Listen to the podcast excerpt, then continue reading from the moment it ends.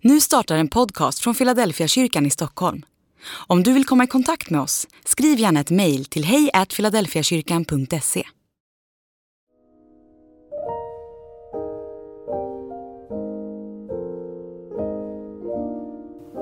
Hej och varmt välkommen till Philadelphia online. Vi är så glada att just du har hittat hit idag. Vi ska få fira gudstjänst tillsammans och lyssna till Niklas Pienso som kommer att tala utifrån temat Det händer när du väntar. Och innan dess så skulle jag vilja få bjuda med er in i en bön. Så vi ber tillsammans. Tack Fader för att vi får fira gudstjänst idag. Tack för att du är med var och en som tittar. Tack för att du är så god och att du älskar oss mer än vad vi någonsin kommer kunna förstå. Nu lägger vi den här stunden i dina händer. Amen. Nu firar vi gudstjänst tillsammans.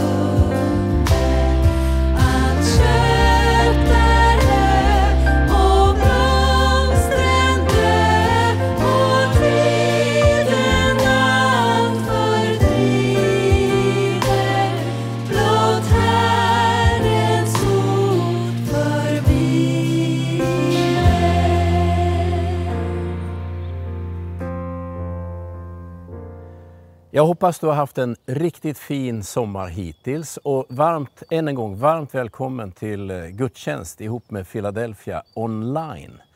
Varje söndag, även under sommaren i juli, så kommer vi ju att finnas med dig på gudstjänst.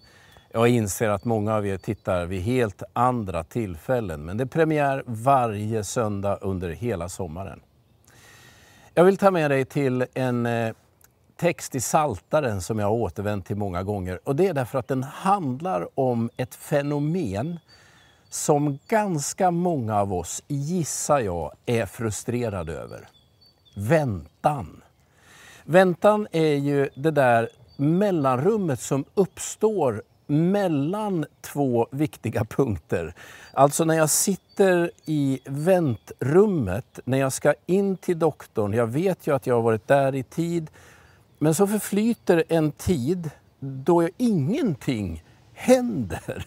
Då man kan bli rätt frustrerad. Eller när du har gått och handlat. Det viktiga var ju att du handlade, att du fick köpa det du skulle. Och så kommer du till kassan och när du står vid kassan så tittar du, om du är som jag, så tittar du och tänker vilken kassakö är kortast? Och så tar du den. Och om du är som några av oss, jag försöker undvika detta, så håller du ju koll på de där andra köerna som du möjligen hade valt och funderar på, går det här fortast? För vi vill inte vänta. Vi tycker att det är tom tid. I värsta fall nästan tid som någon stjäl från oss. Vissa företag och vissa vårdinrättningar de säger får du vänta mer än 30 minuter då får du pengar tillbaka eller någon form av ersättning. För det är tid när ingenting händer. Vänta, det är något vi vill undvika. Vi vill att det händer, att det är aktivitet, att någonting processas hela tiden. Men lyssna nu. Den text jag nu ska läsa, några andra bibeltexter, de verkar peka på det faktum att tider när vi väntar, tider då ingenting tycks hända, det där mellanrummet mellan någonting som är viktigt, att det har betydelse för Gud.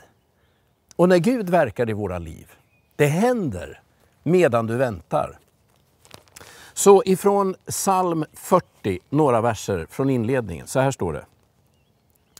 Länge väntade jag på Herren och han böjde sig ner och hörde mitt rop. Han drog mig upp ur fördärvets grop, ur slam och dy. Han ställde mig på fast mark. Mina steg gjorde han trygga. Han la en ny sång i min mun. En lovsång till vår Gud. Många ska se det och bäva och sätta sin lit till Herren. Länge väntade jag på Herren. Känn på det där uttrycket. Varför behöver man vänta? Vad är värdet i det där mellanrummet när vi tycker att ingenting händer? Och Om ingenting händer så talar ju Bibeln om att det ändå fyller en viktig funktion. Här ska du få några möjliga tips från mig på vad väntan faktiskt har för betydelse i våra liv. Det första, när jag åker och handlar ibland så har jag insett att varje gång jag impulshandlar så blir det för mycket. Eller i värsta fall fel. Ni vet, jag ska in och jag ska ha några grejer. Men när jag går där i butiken och tittar på hyllorna så tänker jag, men det där tror jag vi, vi behöver. Och det där, men det här måste jag ha. Absolut sämst, det blir det när jag går och handlar när jag är hungrig. Det skulle jag rekommendera dig. Undvik att handla när du är hungrig. Det är mycket bättre att ha lite tid, förbereda sig, tänka igenom. För då vet man vad man gör när man hamnar i det där läget. Alltså att inte gå direkt till handling, att inte skrida till verket omedelbart, utan vänta ett tag. Det fyller ju i vardagslivet en ganska viktig funktion. Så enkelt som när du handlar. Impulshandla inte, stanna upp, tänk efter, ge dig lite tid. Det blir förmodligen mer ekonomiskt och mer rätt. Eller när vi står i stora beslut så brukar vi ibland säga nej men vi sover på saken. Allvarligt talat, vad händer när man sover? Ingenting. Ändå tror jag de flesta av oss har erfarenheten att just det där när man låter det gå lite tid, utan att man processar ärendet, när man låter hjärnan vila, känslan vila, tankarna får gå någon annanstans, det gör någonting med oss. Det ger en ny klarhet. Alltså i vårt vanliga vardagsliv, handen på hjärtat, så är väntan ganska viktig. Jag tror det var Barbro Jönsson som skrev i boken 10 tankar om tid, om ställtid. Ställtid, om jag minns rätt, kom ju från industrin. Det handlar om den där tiden som går åt när man byter verktyg i en maskin mellan två olika moment. Tiden går, man förlorar viktig pro produktionstid, men man måste ha den ställtiden. Min uppfattning är att väntan, den där känslan av att ingenting händer, det är ett glapp mellan två viktiga moment, är oerhört avgörande för oss. Du behöver ställtider, väntetider i ditt liv. Det gör att besluten blir klokare. Det gör att du inte handlar impulsmässigt på ett sätt som gör att du ångrar dig.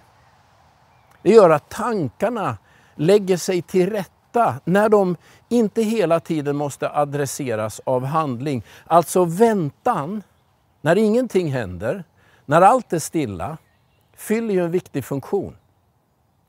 Det är väldigt tydligt i Bibeln att det där ingår i Guds handlande med oss. Länge fick jag vänta på Herren. Det vill säga Gud verkar använda den där tiden då vi upplevelsemässigt tycker ingenting händer. Gud använder den tiden för att saker på något sätt ska landa ner i våra liv. Vi ska lära oss att urskilja vad som är Guds verk och vad som i värsta fall bara är, våra, är vårt eget fäktande. Du som nu lyssnar till det här och som tänker, men jag sitter i det där väntrummet. Gud har satt mig på avbytarbåset. Ingenting verkar hända. Tänk om du skulle pröva tanken igen. Det kanske är så att det just nu pågår någonting alldeles otroligt viktigt i ditt liv. När du tycker att Gud är tyst, eller Gud använder mig inte, eller jag vet inte ens om Gud finns. Att det är en tid som Gud behöver ge dig för att tankarna ska landa rätt, att besluten inte ska vara för impulsiva, att du faktiskt ska kunna urskilja vad är Gud och vad är jag? Länge väntade jag på Herren. Alltså det första jag vill säga det är bara väntan har en viktig funktion i våra vardagsliv. Väntan har en viktig funktion i Guds verk i våra liv för att bara få oss att sortera ut saker rätt. Min andra tanke som ju alldeles tydligt hänger ihop med den där första tanken är att när vi får vänta, när tiden går, då blir det lite grann i våra liv i förhållande till Gud som det blir när man blandar vatten och olja. Du vet, när du ska göra en dressing, du blandar vinäger och olja och lite kryddor, så skakar du det ordentligt. Då blandar man det, men låter du det stå, väntar lite grann, så kommer olja och vinäger att separera.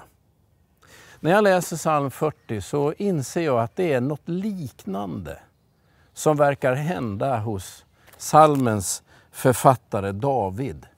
Länge väntade jag på Herren.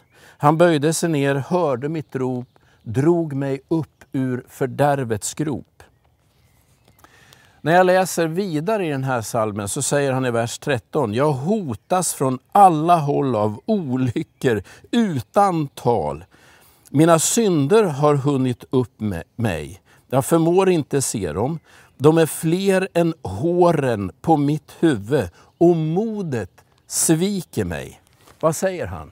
Jag är omgiven av fiender.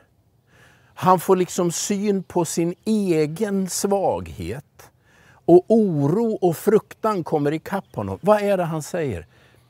Jag börjar urskilja mina egna motiv, mina egna känslor och vad jag omges av. Han får ett klart perspektiv på det. Men inte bara det. Han ser också hur Gud svarar på bön, böjer sig ner och drar honom upp ur fördärvets grop. Vad händer när vi väntar? Jo, men det är som att vi börjar kunna skilja det ena från det andra. Vi kan se lite tydligare. Det är det David säger i den här salmen. Länge fick jag vänta på Herren. Vad är, det, vad är det då han ser? Ja, men han ser vad det är för bekymmer han brottas med. Han ser det. Han ser vad det är som är dunkelt i sitt eget liv. Han ser det. Han måste möta det. I väntan händer det.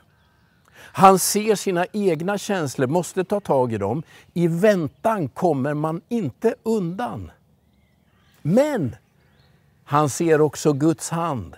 Du böjde dig ner, du drog mig upp, du ställde mig på fast mark.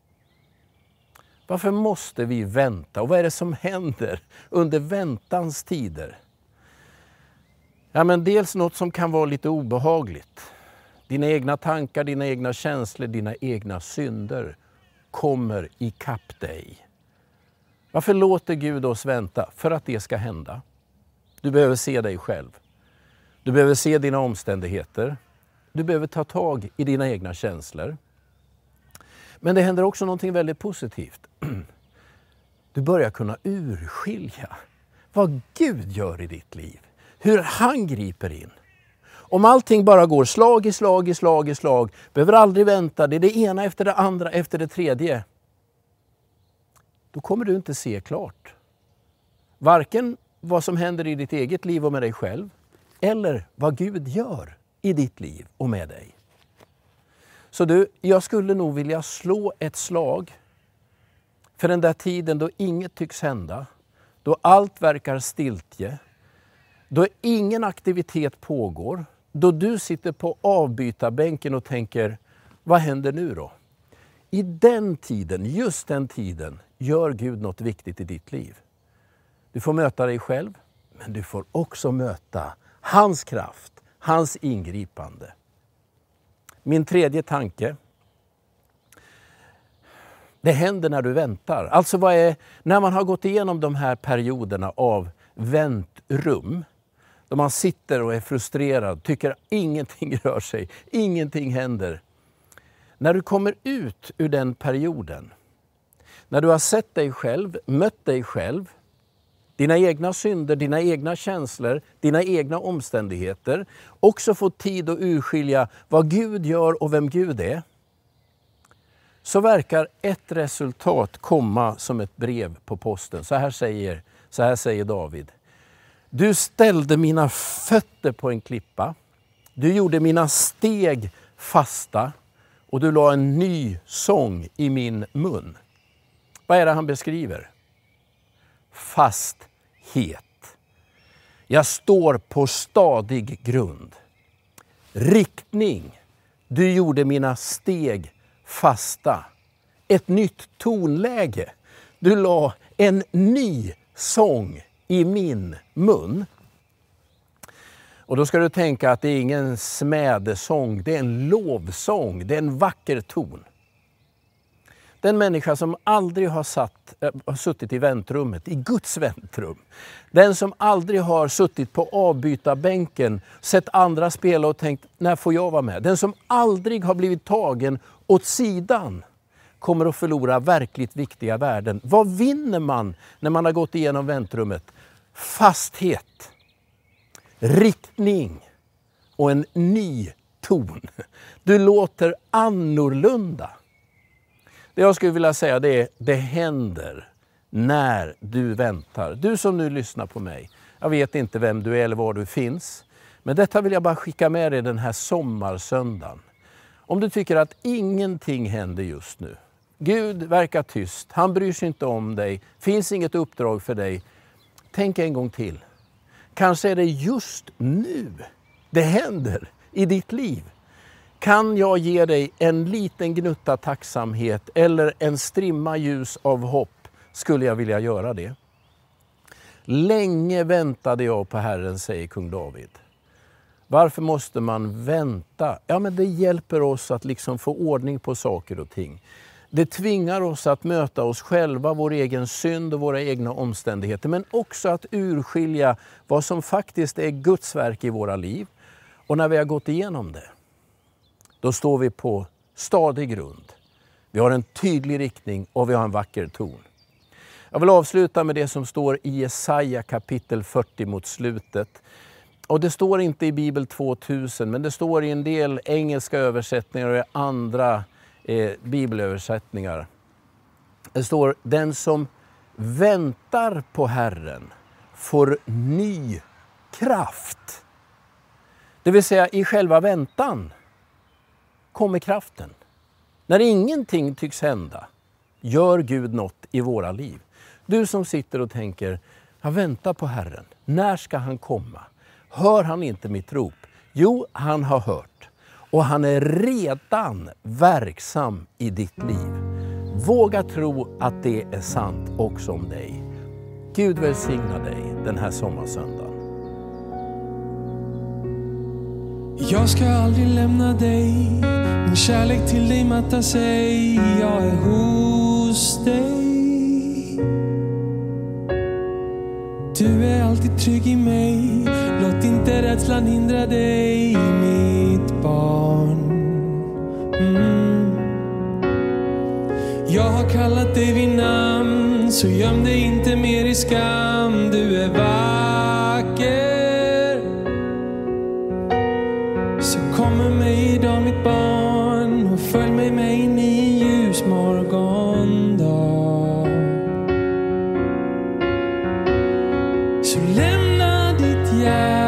Hjärtas oro nu här hos mig. Jag lämnar ditt hjärtas oro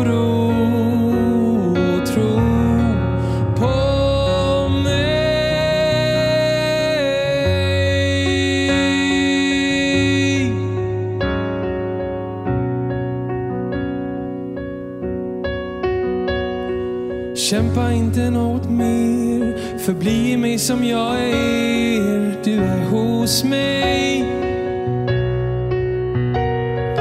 Ensam kan du aldrig vara, för jag är med dig alla dagar, mitt barn. Så lämna ditt hjärtas oro nu här hos mig. Jag lämnar ditt hjärtas oro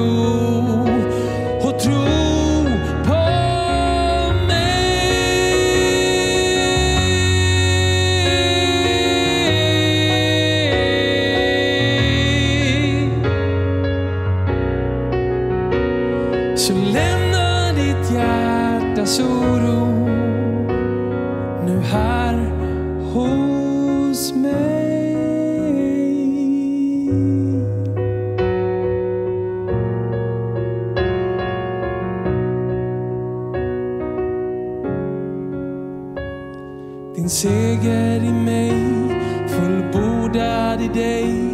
Jag är den jag sagt jag är. För mörker och grav höll inte mig kvar. Jag är den jag sagt jag är. Så var modig och stark, jag har givit dig allt. Jag är den jag sagt jag är. Förlåten och fri, den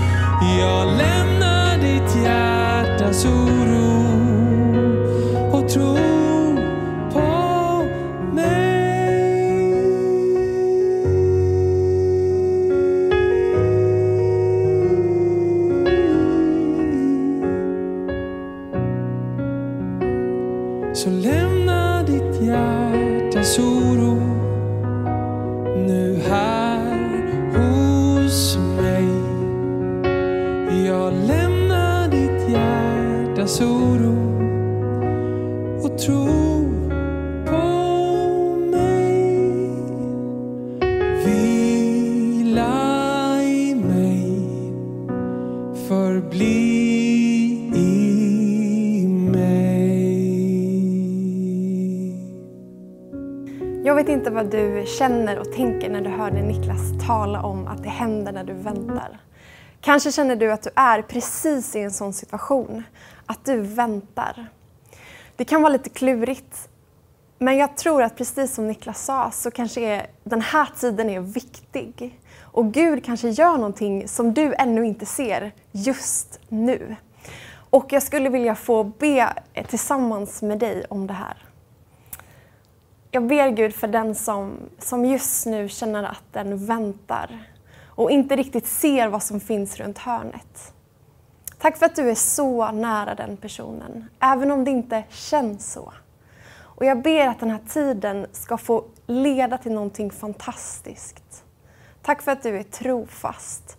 Tack för att vi kan få hoppas på dig i alla olika tider och stunder i livet. Jag ber för den som, som ännu inte tagit emot dig i sitt hjärta. Tack för att du älskar den så mycket. Tack för att du just nu vill säga till den personen att det finns en plan för dens liv. Tack Jesus. Amen.